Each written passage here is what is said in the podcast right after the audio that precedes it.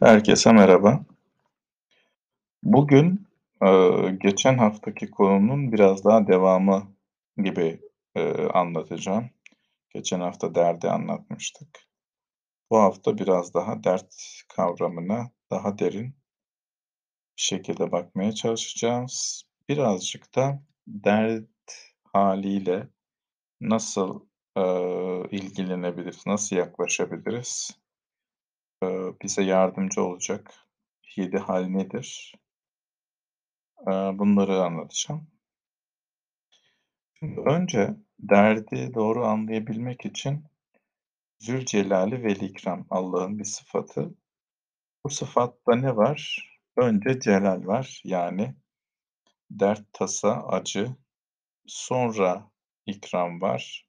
Yani Allah'ın önce celalini, sonra cemalini yaşayacağımızdan bahsediyor. Neden önce celal yaşanıyor? Çünkü anladığım kadarıyla önce cemal yaşandığında istenilen öğretim, eğitim gerçekleşmiyor. İstenilen dersler alınamadığı için önce derslerin alınabilmesi sonradan cemal kısmına geçmek gerekiyor. Yani burada bir Allah'ın bizi, eee, sınaması söz konusu diyebiliriz. Önce ııı, şeye istiyorsak eğer, o yolculukta ilerlemek istiyorsak bu böyle bir süreçten geçmemiz gerekiyor. Zaten birçok öğretide de, eee, bu çile çekmenin, şeyinden bahsedilmiştir, anlam ve öneminden. Bunu da burada Zülcelal Velikram sıfatıyla birazcık daha derinden bakmış olalım. Şimdi eee, burada da Tapduk Emre Hazreti Eyüp'ün hikâyesini anlatıyor. Eee, Yunus Emre'nin dizisinde hem bu Zülcelal Velikram, eee, sıfatı anlatılıyor. Hemen akabinde de Eyüp'ün hikâyesi anlatılıyor. Eyüp de İngilizce'de job demekmiş bu arada. Bugün, eee, yabancı bir konuk vardı, eee, etkinlikte. O söyledi, "Eyüp'ü biliyor musun?" dediğim zaman, "Evet, eee, İngilizce'de job diye." Diğer peygamberleri iyi kötü biliyorduk da ünlülerini ııı, Eyüp'ün job olduğunu ben de bugün öğrenmiş oldum. Şimdi, eee, Hazreti Eyüp 80 sene, eee, deyim yerindeyse güzel bir hayat yaşıyor, varlıklı. Ondan sonra 10 tane, eee, çocuğu var. Eee, insanlara yardım ediyor, sevilen, sayılan birisi. Ondan sonra başına şeyler gelmeye başlıyor. Önce, işte, evi, eee, göçük altında kalıyor, tüm çocuklarını kaybediyor. Sonra da vücudunda çıbanlar çıkmaya başlıyor. Bu çıbanlar biraz uzun sürünce, eee, karısı gelip diyor ki, yani, Allah'a dua et, bu çıbanlarını iyileştirsin. Genel birçok şeyde de peygamberlerde de buna benzer hikâyeler vardır. Peygamberler böyle durumlarda iyileşmek için dua etmezler. Çünkü onu bir, hani, peygamber yaklaşımında Allah'tan gelen bir şeyi bir problemmiş gibi algılamak çok hoş bir davranış olarak değerlendirilmez. Zaten o, işte, Zülcelal ve Velikram kavramına da çok doğru düşmez. Ya, tabii ki bu, hani, bizim gündelik hayatımızda eee, bunu böyle yapalım diye demiyorum fakat bu konuyu böyle anlamak açısından söylüyorum. Yani, biz eğer bu kavramları bu yolculuk şeklinde algılayacaksak, yani, sofistik bir şekilde yaklaşmaya çalışacaksak, eee, gideceğimiz yolun böyle bir yol olması lazım. Yani, Allah'tan gelen bir şeyi tam bir bela, bir şey gibi değil, gerçekten bir ders niteliğinde yaklaşabilmekten bahsediyorum. Hazreti Eyüp, eee, böyle bir dua etmenin doğru olmayacağından bahsediyor. Diyor ki, "Ben 80 yıl Allah bana" eee, "hayatın güzelliklerini verdi." diyor.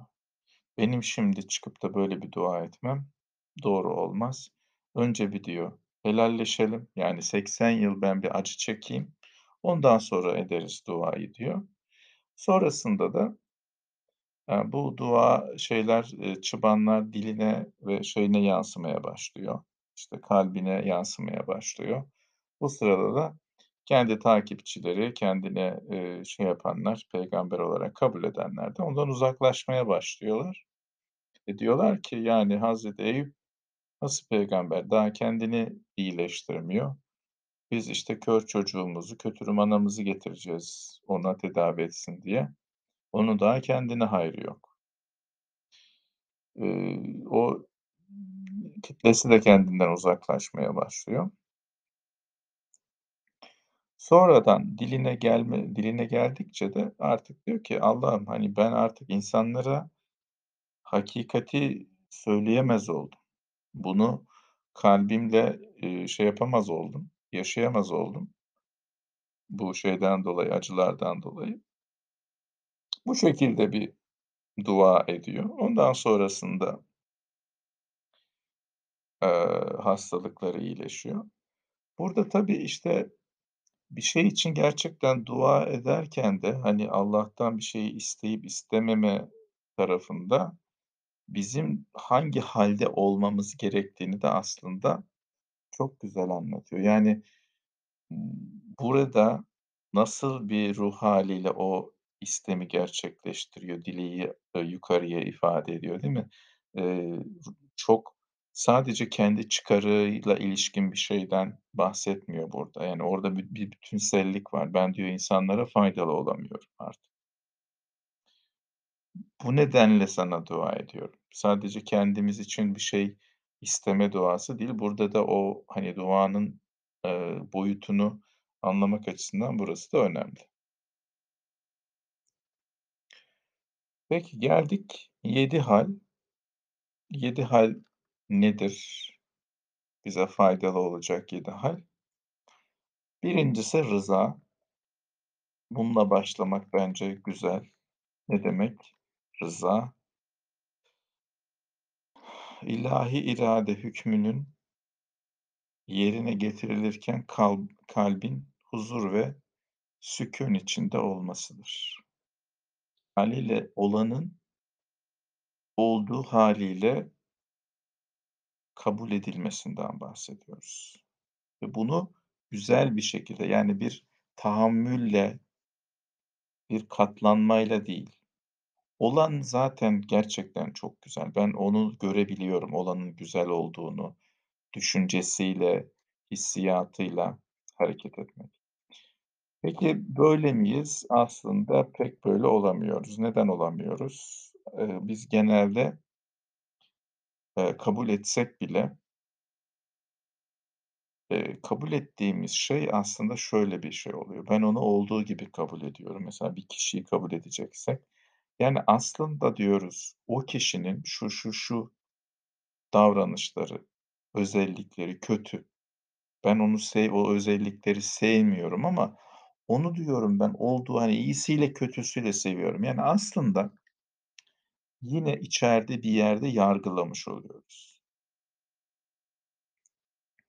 Şimdi imanın şartlarından bir tanesi kadere imandır mesela. Peki, soralım kadere iman ediyor muyuz diye. Herkes der ki, iman ediyorum ben, evet, diye. Peki, şöyle sorsak, kaderini tam anlamıyla %100 seven, yani, bu ne demek? Başına gelmiş her şeyden %100 memnun olan var mı desek, eee, o çıkmıyor mesela. E, peki, nasıl oluyor o zaman? Yani, sevmediğin bir şeye nasıl, %100 sevmediğin bir şeye nasıl iman ediyorsun? Şimdi bunu insan kendisine sorduğu zaman, yani, yani, ben iman ediyorum ama şimdi iman böyle bir şey değil. Ben bir şeye iman ediyorsam o o, yani, %100 olmalı. Hani, o zaman tam anlamıyla ben mesela ben kendi şeyimde kadere bana sorarsanız kadere ne kadar iman ediyorsun diye, benim daha yeterli değil diyorum ben imanım. Evet, yani, iman etmiyorum demiyorum. Yani, o hâle gelmeye çalışıyorum fakat yetersizliğimi daha imanımın da yeterli boyutta olmadığının ben farkındayım. Hâliyle daha rıza boyutunun çok çok, gerilerindeyim. Daha çok fazla bu rıza konusunda, kabul konusunda çalışmam gerektiğinin farkındayım. Hâliyle ben bu rıza kavramını böyle ele alıyorum. Diğer kavramımız acziyet. Bunu da şöyle özetliyorum ben. Bütünün çok azına etki edebileceğimiz gerçeğini anlamak, idrak edebilmek. Hazreti Muhammed'i diğer peygamberlerden ayıran, onu daha üstte, yüce yapan özelliklerinden bir tanesi de acziyetini en iyi bilen, en iyi anlayan, en iyi idrak eden peygamber olması. Tabii ki, yani, bu arada peygamberler arasında bir sıralama yapma taraftarı değilim ama burada Hazreti Muhammed'in boyutunu, ııı, zaten, eee, bir sonraki şeyimizde Muhammedi boyut ne demek onu anlatacağım. Eee, Mevlana ve Sema belgeselinden sonra. Zaten Muhammedi boyutun ne olduğunu anladığımızda peygamberler arasında bir sıralama yapmanın da çok anlamlı olmadığını göreceğiz. Ama burada şunu bilmemiz gerekiyor gerçekten. Acziyet dediğimiz boyut çok yukarıda bir boyut. İdrak edilebilmesi gerçekten çok zor olan bir boyut ve bunu da o nedenle Muhammed'le taçlandırmak, Muhammed'le ifade etmek bu açıdan önemli. Bu boyutun yüceliğini anlatmak açısından. Şimdi acziyet deyince burada, eee, kafalar karışabiliyor. Hani, ya, insan Tanrı'nın bir yansıması değil miydi? İnsanda her şey yok muydu? E, nasıl oluyor da acziyet de var aynı zamanda? Şimdi aslında bu güzel bir nokta. İnsanda evet, ikisi de var. İnsan Tanrı'nın bir sureti, bir halifesi yeryüzünde. Fakat bu ancak acziyetini anladığında ortaya çıkabilen bir özellik. Yani ben, ben, ben dedikçe değil, tam tersi bunlara ben ne kadar hiçliğe doğru götürebilirsem, yokluğumu ne kadar idrak edebilirsem o kadar yaşatabileceğim. O Mevlana'nın dediği, "Çıkar kendini aradan çıksın ortaya yaradan." dediği nokta tam olarak burası. Yani bende ikisi de var. Hem tanrısallık hem hiçlik boyutu. Bu 2 boyut benim şu anki idrakime göre birbirleriyle sanki zıtmış gibi görünse de çünkü değil mi? İşte sorarlar, "Kaderci misindir yoksa ipleri kendi eline mi alırsın?" diye böyle kişilik testlerinde sorarlar. Aslında ikisini de aynı anda yaşatabildiğin zaman, 2 boyutu da aslında hissedebildiğin zaman birbirleriyle nasıl konuştuğunu idrak edebiliyorsan, eee, yani hem kaderci olup hem de etki edebileceğin şeye de odaklı yaşayabilmek, hiçliğini idrak ettiğinde gayet de mümkün. Ben bunu şöyle ifade edeceğim. Bira bu geri kalan anlattıklarımı da bu hikâyeyle genelde bağlayacağım. Şimdi bir bitki yetiştireceğiniz zaman tohum ekiyorsunuz, değil mi? Tohum ekmek sizin yapabileceğiniz o en küçük çaba. Acizliğiniz işte burada başlıyor. Siz tohumu ekebiliyorsunuz sadece. O ama tohumdan bitkiye dönüşen, eee, süreçte aslında yapabildiğiniz hiçbir şey yok. Siz oraya hiçbir katkıda bulunamıyorsunuz. Yani siz ne o tohumun şifrelerine hâkimsiniz, tohumun içindeki o bilgiye, eee, hâizsiniz, ne yağmuru kontrol edebiliyorsunuz. Yapabildiğiniz tek şey tohumu ekmek. Belki o toprağa çapa yapmak, belki su vermek. İşte, yani o kadar. Şimdi, işte, acziyet tam olarak burada yapılabilecek bu minimumun olduğunu görebilmek ve gerisinde bir etkide bulunamayacağın, oradaki büyük olayları kabul edebilmeyi gösteriyor. Onu hissedebilmeyi, orayı etki edemeyece anlamayı gö gerektiriyor. Yani ben sadece tohumu ekebilir, sulayabilir ve çapa yapabilirim. Başka bir şey yapamam. Benim sınırlarım bu kadar aslında. O kadar küçük. Teslimiyet diğer bir maddemiz. Teslimiyet aslında acziyetle konuşabilen, birbirlerine yakın kavramlar. Burası da odağı dışarıdan tamamen bu şeyin üzerine alınabilme, etki alanına kendimize çekebilme. Ben tamamen şeye odaklanıyorum. Tohumu ekmeye odaklanıyorum. Gerisini ne yapıyorum? Teslim ediyorum. Bununla da ilgili kaplumbağa hikâyesi var yine Tapduk Emre'nin. Diyor ki, "Kaplumbağa neden uzun yaşar? Çünkü" diyor "geri kalan hırslarından kendini arındırmıştır. O nedenle zamanın efendisidir." İşte, kaplumbağa tavşan hikâyesini düşünün. Ondan sonra bir kaplumbağayı da göz önüne getirebilirsiniz. Kaplumbağa ne yapıyor? Sadece yoluna odaklanıyor. Başka hiçbir şeyle ilgilenmiyor. İşte, teslimiyet tam anlamıyla böyle bir şey. Sadece yoluna bakabilmek.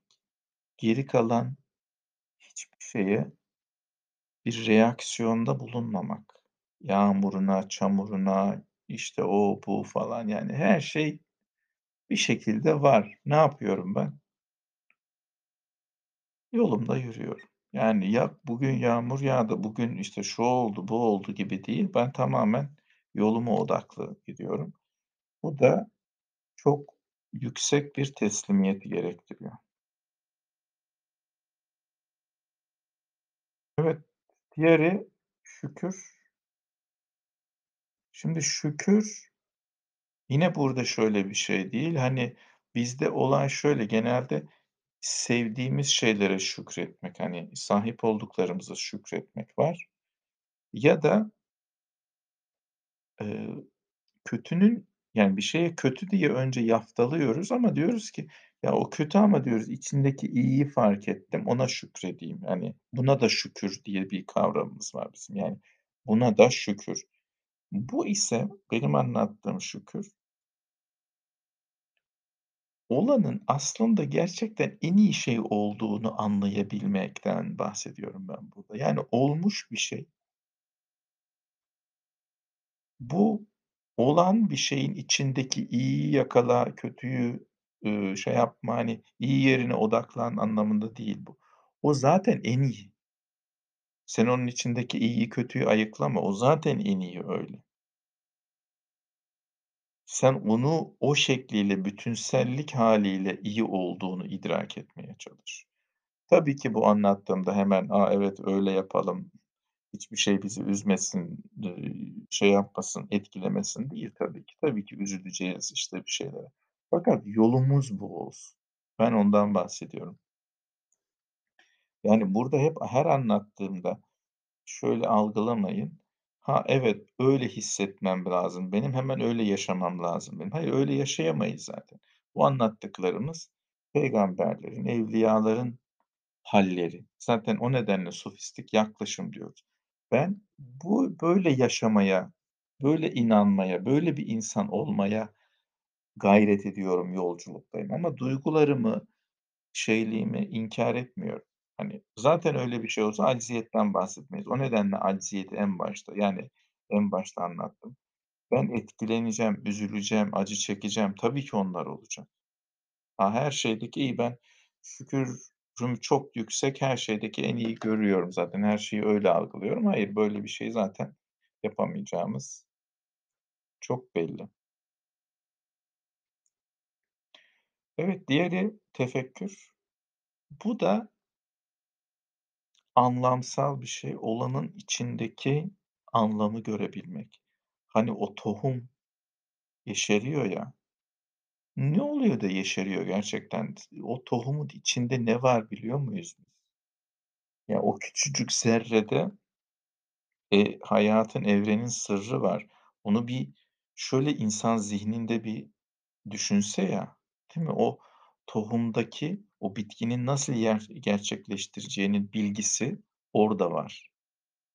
Bu, işte, aslında birçok şeyin bilgisinin o işin özünde saklı olduğu ve buradan da kendi özümüze evrenin sırrını belki de, değil mi, saklı olduğu bilgisi olarak da düşünebilirsiniz. Evrenin sırrı hepimizin içinde olan şeyler. Diğer bir kavram tevekkül. Yani, yukarıda anlattık. Diğer odağı kendi içimize çektik. O, işte, çektikten sonra ben artık diyorum ki bu yapılabileceklerin içerisinde benim kendi alanımda o tohumu en iyi şekilde ekeyim, en iyi şekilde sulayayım, en iyi şekilde yani yapabileceğim her şeyi en güzeliyle yapayım. O benden o beklenen efor yani şöyle bir şey yok. Hani yukarıda dedi ya teslim ettik abi tamam nasıl olsa benim etim ne budum ne değil.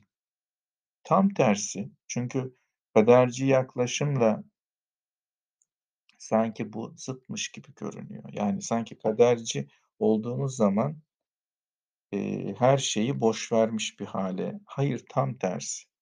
Eğer kaderini gerçek anlamında tanıyan, seven bir insan onun büyümesi, şekillenmesi, yeşermesi için en çok çaba sarf eden insandır. Çocuğunuz gibi düşünün. Çocuğunu, değil mi? Sev seviyorsun ama ne yapıyorsun? Onu büyütmeye, eee, işte, onu iyi bir insan olması için eğitmeye vs.ye çalışıyorsun. Hâliyle aslında böyle baktığımızda tevekkülü çok güzel bir şekilde yaşatıyoruz biz. Ama başka şeylerde ayrıştırmamız, bu kafalarımızın karışıklığı daha fazla ön plana çıkıyor. Fakat evet, tam anlamıyla şöyle diyebiliriz: Ben eee, tevekkül içerisindeysem geri kalan her şeyi teslim etmiş, yapabileceklerimin de en iyisini yapmaya gayret eden, yani tevekkül içinde olan birisi çok çalışan birisidir. Ama neye çalışıyordur? Gerçekten etki alanında, odağındaki şeylere çalışıyordur. Evet, diğer kavramımız da aşk. Bu da bunu da en sona koydum. Neden? E, çünkü Hazreti Muhammed'in miracını düşünün, değil mi? En son artık Cebrail'in artık ben buradan sonra gelemem dediği yer aşk. Yani aklın artık bit bittiği, sözün bittiği bir yer aşk. Neden öyle? Niye bu kadar muhteşem? Çünkü artık özle buluşma, özle tanışma yolculuğu. Yanma noktası. Çünkü gerçekten aklın anlayamadığı, idrak edemeyeceği kadar yüce ve bunu da mecazî aşktan biliyoruz zaten? Mecazî aşka tutulduğumuzda ne oluyoruz? Akıl neredeyse devre dışı kalıyor. Tamamen aşk bize her şeyi yaptırıyor. Mevlana'ya gelmiş birisi, "Tabi olmak istiyorum." demiş. Mevlana'nın ilk sorusu şu olmuş: "Hiç aşık oldun mu?" Adam, "Hayır." demiş. "O zaman" demiş, "Git aşık ol, öyle gel." Hâliyle mecazî aşkın da burada o kıvılcımı ilk yakan, ilk o bizle akılla sınava sokan şey olarak görebiliriz. Buradaki bir anlamda, boyutta da şöyle ifade ediyorum ben, o içerideki öze, kaynağa ulaşma hasretini yaşayabilme. Hâliyle o her şeyin kaynağı, her duygunun, her nesnenin kaynağını aşk olarak görebilme. E, mecazî aşkta da kaynak nerede? Bende. Nasıl tarif ediyorlar aşkı? Bir psikiyatrist vardı, adını unuttum. Diyor ki, "Benden çıkan, karşıdan yansıyan, karşıdan bana geldiğinde benim unuttuğumdur aşk." Yani aşkın aslında kaynağı bende. Karşımdaki ne? Benim âşık olduğum kişi benim bir aslında yansımam. Tıpkı o evrenin yaratılışındaki hikâye gibi düşünebilirsiniz. İşte ben onun keşfi için artık her şeyden vazgeçiyorum. O tüm hazlardan, tüm, işte, şeyinden, bunu da ben şöyle özetledim. O bir kalın bir, eee, kaşık balın hazzından o gizli kovanı bulmaya doğru yönelmek. Bir yerde gizli bir kovan var. Öyle o nedenle bir kaşık bal peşinde koşmuyorum. Kovanı bulmaya çalışıyorum. Aşkı da öyle özetleyebiliriz. Evet, bugünlük benden bu kadar. Hepinize güzel bir hafta diliyorum. Görüşmek üzere.